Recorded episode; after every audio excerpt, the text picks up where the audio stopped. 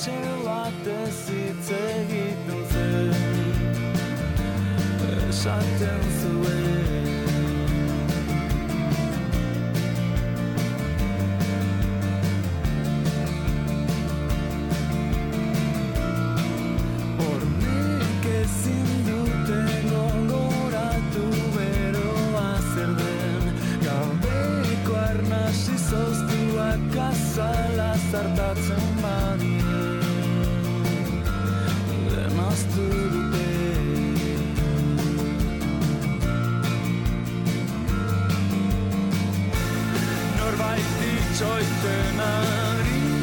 aldera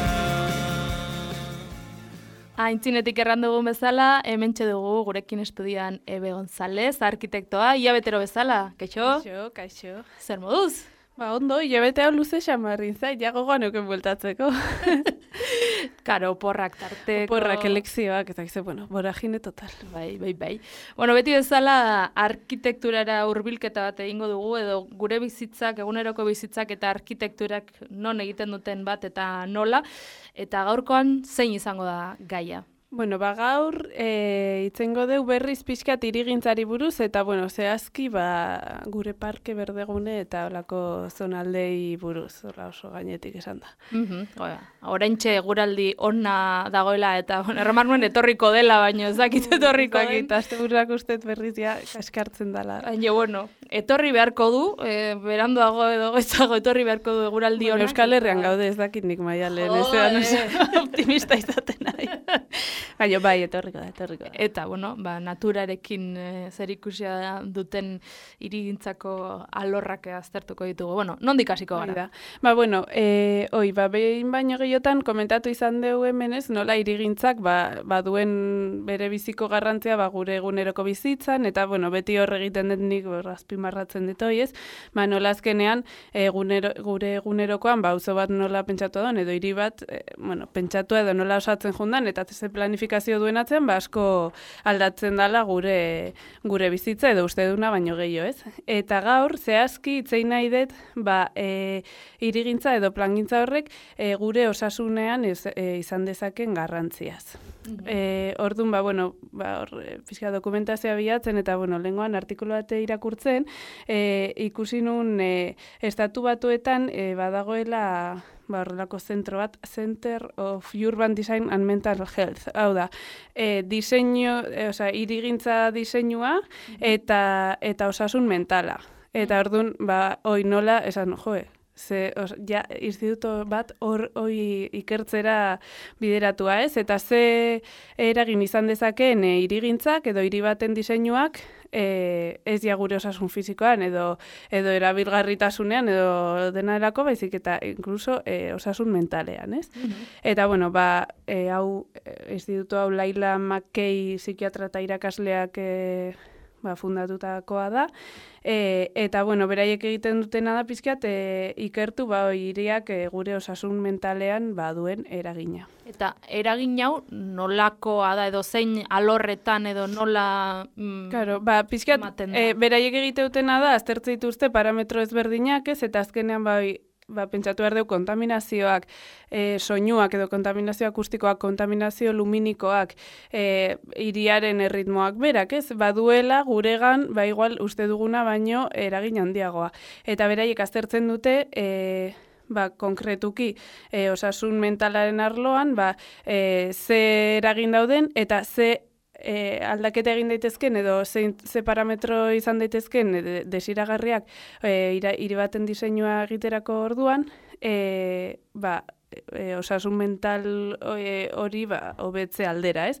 Eta bizkat, e, berai gero ateratze dituzte hor, ba, ondorio batzuk, eta emate dituzte aholkuak esan dezagun, ba, hiri irigintzan ba, dabiltzanei pixkate bideratuak.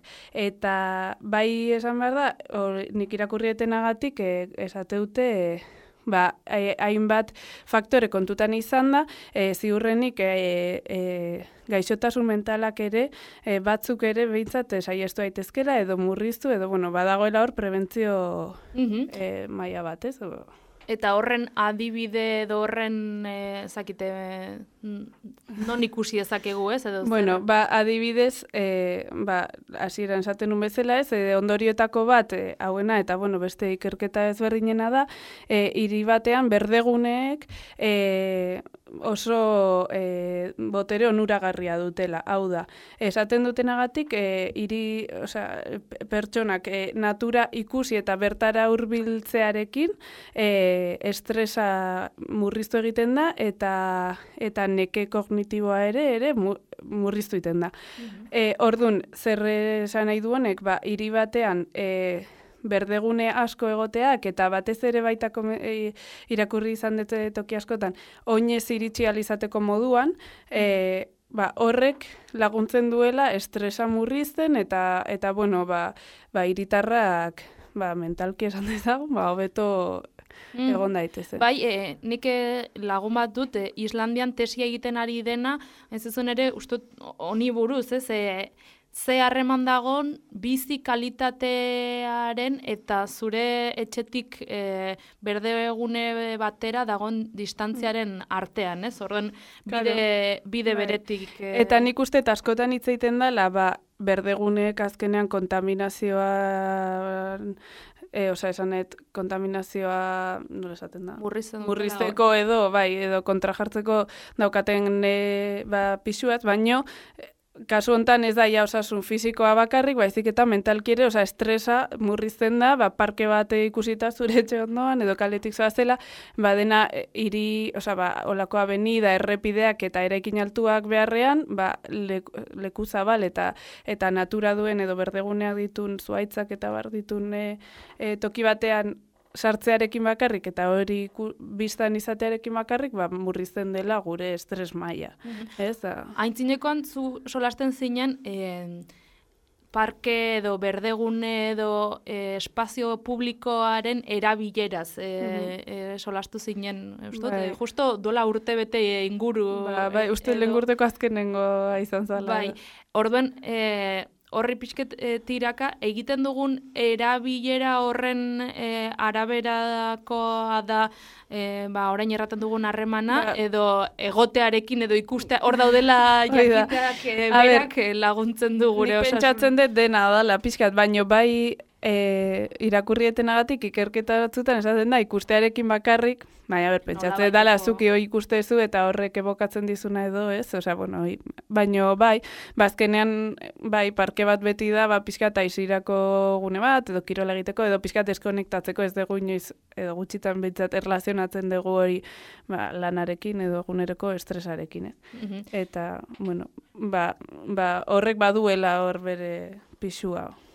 Eta orduan ikusita badagoela harreman bat e, osasun mentalaren edo gure ongizate horren eta berdegunen e, di, bueno, berdegunekiko dugun distantziaren artean, ba, nola ekarri dezakegu hori praktikara, ez, e, gure bai. e, e, irietara. Hoi da, ba, nik uste etor da hola pixkat e, gakoa, ez? E, azkenean, karo, pentsatu behar dugu, iria edo urbea eta natura beti direla funtsean kontrajarriak, hau da, iria da beti, ba, naturari irabazten diogun terreno bat, eta gainean erekitzen duguna, eta badituena arau oso zehatz batzuk, edo, bueno. Mhm. Eta ze pasatzen da, ba, e, natura sartzen saiatzen garenean irian, ba, hor sortzen direla lako kontraesanak, edo. E, karo, guk nahi dugu den arautua eta kontrolatua egotea, eta naturan, ba, gure kontroletik kanpo dauden faktore asko daude. Ordu nor sartzen dira, ba holako ba ordutegi kontuak adibidez, hori ez, iluntasuna mm, irian ez da desiragarria, beraz argiztapen eh, artifiziala, parkeak gero, bueno, ilun dagoen aniste ditugu segurtasunagatik, e, bueno, hor dago muga bat, adibidez, bestea, ba... E... Sarra nahi duzu, adibidez, argiztapena ez dago la naturaren ikuspuntutik, claro. ez? E, parkearen zat, igual, inkluso kaltegarria izaten aldela... Bai, eta azkenean, zu, osea, naturan, e, gaua iluna da eta eguna argia eta hirietan hori ez da guzti zola ze mm iluntzen denean argiak bizutze dira eta ze pasatzen da natura ebokatu nahi dugunean parke bat sortzen dugunean eta bar argi asko ez badu jartzen ba oso iluna da beraz isten dugu gauean ba, ber jain horrez sartu alizateko esan etor muga bat dago, Mhm. ba, azkenean natura ez delako hiri batean nain, osea, Naturala. Claro, hori da, ez delako hain naturala. Gero beste bat ez, eh, animaliak, ez? Ba, salburua aragoaz, eta hor daude oreinak, baino esi batekin mm, ba, mugatuak. Edo, edo hemenatak, edo usoak, eta ze pasatzen da gaina. Alde batetik, behar, ba, bueno, dependetze animali diran, edo, ba, ba, behar, da, behar da horrelako muga fisiko bat, ba, bueno, segurtasunagatik beraien eta gurea, Eta gero baita nola e, iribarruan dauden animalien eh, bizian guk olako eragina daukeun, adibidez okurritzen zait hoi zenbatetan ba ematen zaien jaten animaliei, de repente plagak daude horrelako superpoblazio bat ez dena orekatua, ze animalioek ez die bizi beraiek e, arrapatze duten ez edo, baizik eta mm, ba, komunidade guztiak hor botatzen dien ogiaz, ez? Eta, Mhm. eta era berean nola, ba, adibidez hori askotan esaten den, atei mesedez ez bota ogirik, ze gero, e, osea, ez, osea, berdurak eta lakoa jan behar dituzte, ogia jaten badiozu e, botatzen bazaie, ba, ba, bueno, e, osasun arazoak dauzkate, eta bar.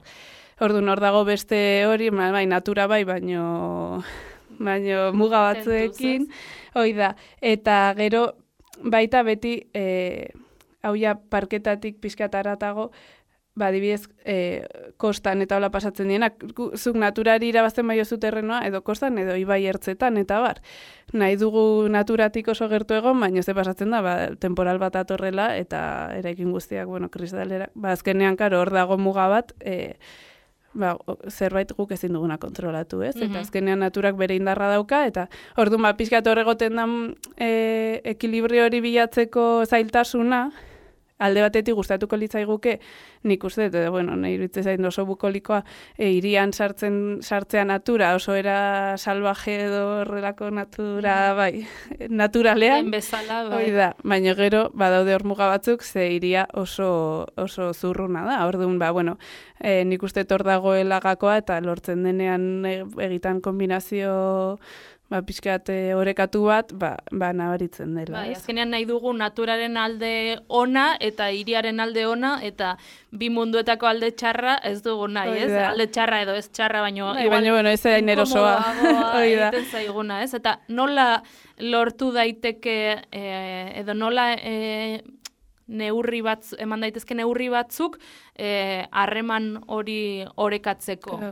Ba, nik uste dut hoi dala gauza, ba, adibidez, gazteizko kasuan nik uste dut, e, bueno, interesgarria dela nola dauden pixkat e, parke mota ezberdinak, e, iriaren kokapenaren arabera, esan et, zentroan nola diren, ba, pixkat parke arautuagoak edo, edo urbanoagoak esateagatik, ez, ba, Florida parke adibidez, ba, vale, badaude berdeguneak, baina bideak eta bar, eta nola, pixkat e, kanporatzen goazen enean, badau- badauden parke handiagoak, eta pixkat ba, ez die natura naturalak edo esan etor badago baita nola, nola biteko kontrol bat, baina bueno, bai, episkal libreagoak, ba, izan daitekena erazun berdea edo, Mhm. bueno, olakoak, ez? Orduan, bueno, hoi nahi bai interesgarri iritzen zaitela, pixkat olako ekilibrio hori, ba, bueno, igual ezin dira parke guztiak berdinak izan, eta dauden tokiaren arabera, ez? Baina, bueno, hor sortzen da, ba, betikoa, gero, ba, igual eskema asko pixkat apurtu behar ditugu, esan iguatzen naiz nola duela urte batzuk e, donostin ametsa gaina parkean e, planteatu zen ardiak sartzea, ba, belarra jateko, eta eta bueno, olako foioi baten zan, zati jendea txakurrak eramaten zituen area pasatzera, eta klaro, eske bain izingo dut, e, ardiak duelako, ba, klaro, hor sortzen dira, osea, olako kontraesanak, edo, bueno, konfliktoak, azkenean gaina iria jende askorena da, eta guztiona da, esan nahet, eta eta ezin da ba, batzuk e, pixkat jo nahiko dute aldeatik bestetik. Zentzu hortan, ba, bueno, behintzat, e, bai, ba, pixkat denetik egotea interesgarri itzen zait, eta baita iruditzen zait, ba, igual pe, planteatu behar degula, ba, iritar bezala ere, ba, bueno, igual batzutan ondo dagoela aldaketa bat, igual imaginatzen ez dugun zerbait probatzea, ikusteko, ba, bueno, experimentatzen joan behar da, eta, eta ikusi, ba, ze zonalde sortatzen dira azkenean, ba, erosoagoa, jendeak zeintzuk erabiltza ditun, zertarako, eta, bueno, azkenean ez da inoiz zerbait zurruna izango, baizik eta pixkat. aldatzen eh, ari dena. da. Gasteiz green capitala da eta hortaz eh, Arro baino arroago daude batzuk eta erranduzu badibidez e, zentroko parkeak eta e, kanpoaldeko parkeak desberdinak direla alde hortatik ba, bilatu dela nolabait e, naturarekin hiriak duen harremana horrek altzeko modua. Zein izango litzateke erreferente bat edo bertze hiri bat edo bertze herrialde bat edo bereziki lanketa honetan eh, aritu dena edo ezakit ba, norantza ba ezakit, osea nik uste dut egia esan gure inguruan mm, gu privilegiatu batzuk gela, osea gazteizen egie da oinez junta edo zein tokitan dauzkezula berdeguneak. E, bai iruditzen zait, ez ja inbeste parketan, baino espazio publikoaren erabileraren hildotik baita, eta kasontan berdina, askotan Europako herrialde askotan e, libreagoa diela, oza, zentzu hortan, pizkate e, daukate mente e, irekiagoa, ez? E, ba ez dakit, adibidez hoi, e, ba, Estokolman uste dela errekan eta, o, bueno, ibaian jendea ba, bainatzen da, ba, lako gune batzuk pizkat ba, libreagoak, oza, mm -hmm. ez hain arautuak, hemen negie da, daukagula tendentzia handia dena arautzera eta jardin bat dago, baino ez itxo bat eta ez zapaldu mesez. Orduan, bueno, ba, bai igual e, zentzu hortan, ba, pizkate, ba, Europara begiratu ziurrenik hor badaude, ba, bestelako ez dira batzutan intervenzionistak esan dezagun mm -hmm. irigintza mailan incluso herriak askotan, bueno, ez dakit, e, etxeak ez daukate sirik batzuk besteen artean. Osea, bueno, horrelako gauza pizkat guri oso arraroak egiten zaizkigunak, ez gugea, osea, hemen asko egiten dugu mugatzearena pribatua publikoa zurea nirea berdea, e, ez berdea. Bueno, ba, igual muga horiek pixkat bai difuminatzen direla, eta gero erabileraren aldetik, baino, bueno, ez hain berdeguneena, aurra, ja, mm -hmm. gaitik pixka datera, eta baino, e, Latin, Latinoamerikan ba, bai azkenean erabi, e, espazio publikoaren erabilera asko ezaberatxagoa da, edo, bueno, asko libreagoa, ez dakit. Bueno, ba, asko era, egiten dira merkatua, egoten dira merkatua kalean, e, incluso dantza espontaneo, oza, ezakite, ba, beste kultura bat da, eta nik uste zentzu horretan gehiago hartzen dutela kalea, eta erabiltzen dutela, eta edo kirola praktikatzen, ez dakite horrelako... Ba, igual, erabilera ez dago hain mugatuta espazio bat, erabilera bat, baizik eta espazioa, eta erabilera... Ez dago hain arautua, ez guk hemen oso arautua daukagu dena zentzu hortan. Ordu nik uste pizka ba, faktorez berdinak kombinatzea dela, zati, azkenean jatego, hemen badauzkagu berdeguneak, osa parkeak, eta nik uste zentu hortan onda, hola, igual falta zaiguna batzutan da, puntu bat, ba, ba berdegune horiek e, dekoratu bat izatetik, ba, pixkat, e, ba, erabilgarriagoak izaterako pauso hori, ez? Mm -hmm. Uste dut, bat anekdotaren bat gai honekin lotuta? Bai, ba, alde batetik ezakit ikusi ez zuen, azken oso sonatua izan dan bideo bat e, hartzai asturiar batena esatezuna ordua zela turismo rural egitera, eta, eta, eta pixkatoi da, ez? Bueno, kontatu pixkat zer da. Ba, berak esaten duena da, e, bueno, albiste bat egon, egon dala, e, ba, e, Hora, Asturiasen e, gizon bati edo, bueno, tipo bati itxiarazi diotela oiotegi bat edo. Mm ondoan, etxe rural bat zuelako, eta e, maten duenez, etxe ruralaren jabeak e, ba, jarri du salaketa bat edo, ba, oiarrak soinu, e, ba, kantatzen zuelako goizetan, eta orduan ba,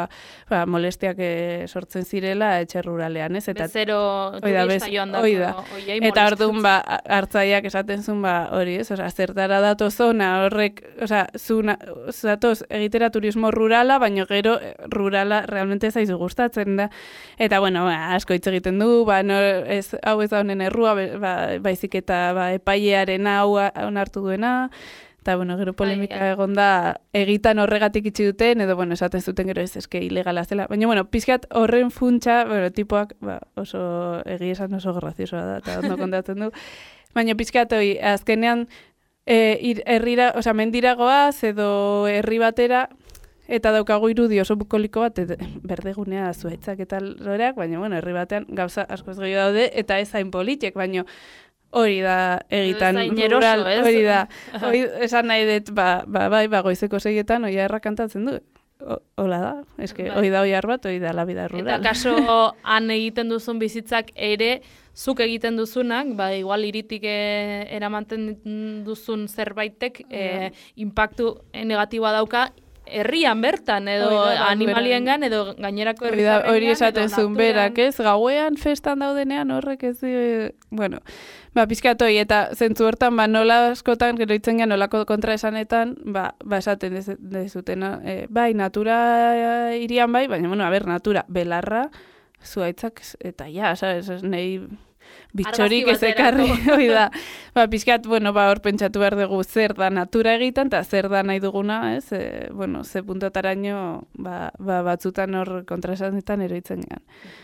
Gainera, tipo horrek eh, erraten zuen, eh, eh, nola zen, erran, ah, eh, le faltan dos patatikas pal kilo.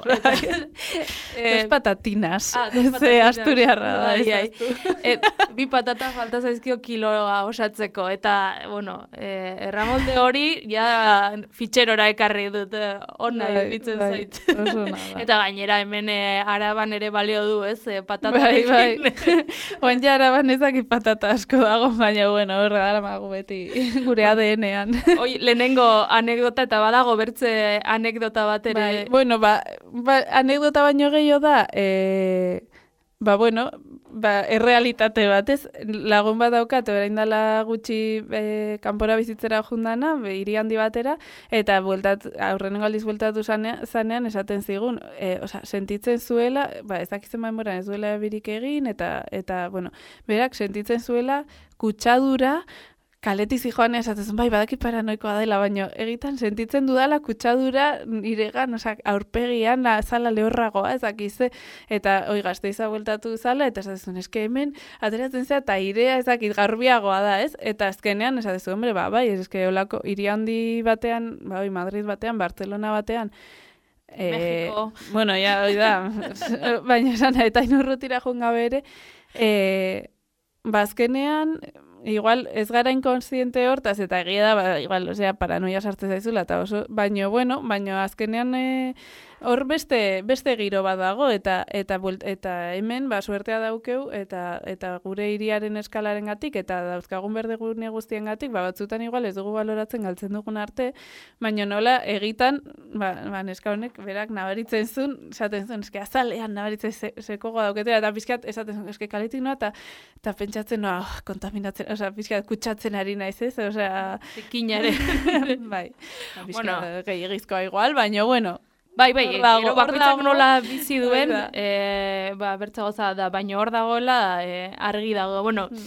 ja e, denbora joan zaigo eta igual pixket isten joateko e, naturaren eta hiriaren arteko harremanean e, gazteizek gainditu gainditu du azterketa. Bai, bai, nik usteet, kaso hontan, esan dezakegula, arro, gure green capitala, ba, ba, bai, egitan, bueno, zentzu hortan, ba, ba, bueno, ba, badaukagula hemen altxortxo bat, ez dakitze puntotaraino, ba, oi, ba, zenbat dan planifikatua eta zenbat, ba, bizkat horrela suertatu dan, e, baino, baino, desde luego emaitza, ba, momentuz, nik uste toaintxe, ba, ba, suerte daukagula gure ingurura begiratuta, ba, oso hiri, ba, osasuntxua daukagula, zentzu hortan. Ongi, ongi. Bertze batean e, errazinun pesimismotik jo zinula eta oraingoan bueltatu zara Hori da. optimismo Hori da. dosi Seguraldi handiarekin. honekin, bueno, ba, ba, mila mila esker bertze hilabete batez ere gurekin egoteagatik eta heldu den hilabete arte. Ongi zan, aio! erdi, nago. Zeiren espirituaz. Izena zamarrepel mugimendua Mi mikro vinilota instrumentuak. Zu grabez armaturiko Lan roberrap, matxin irratia.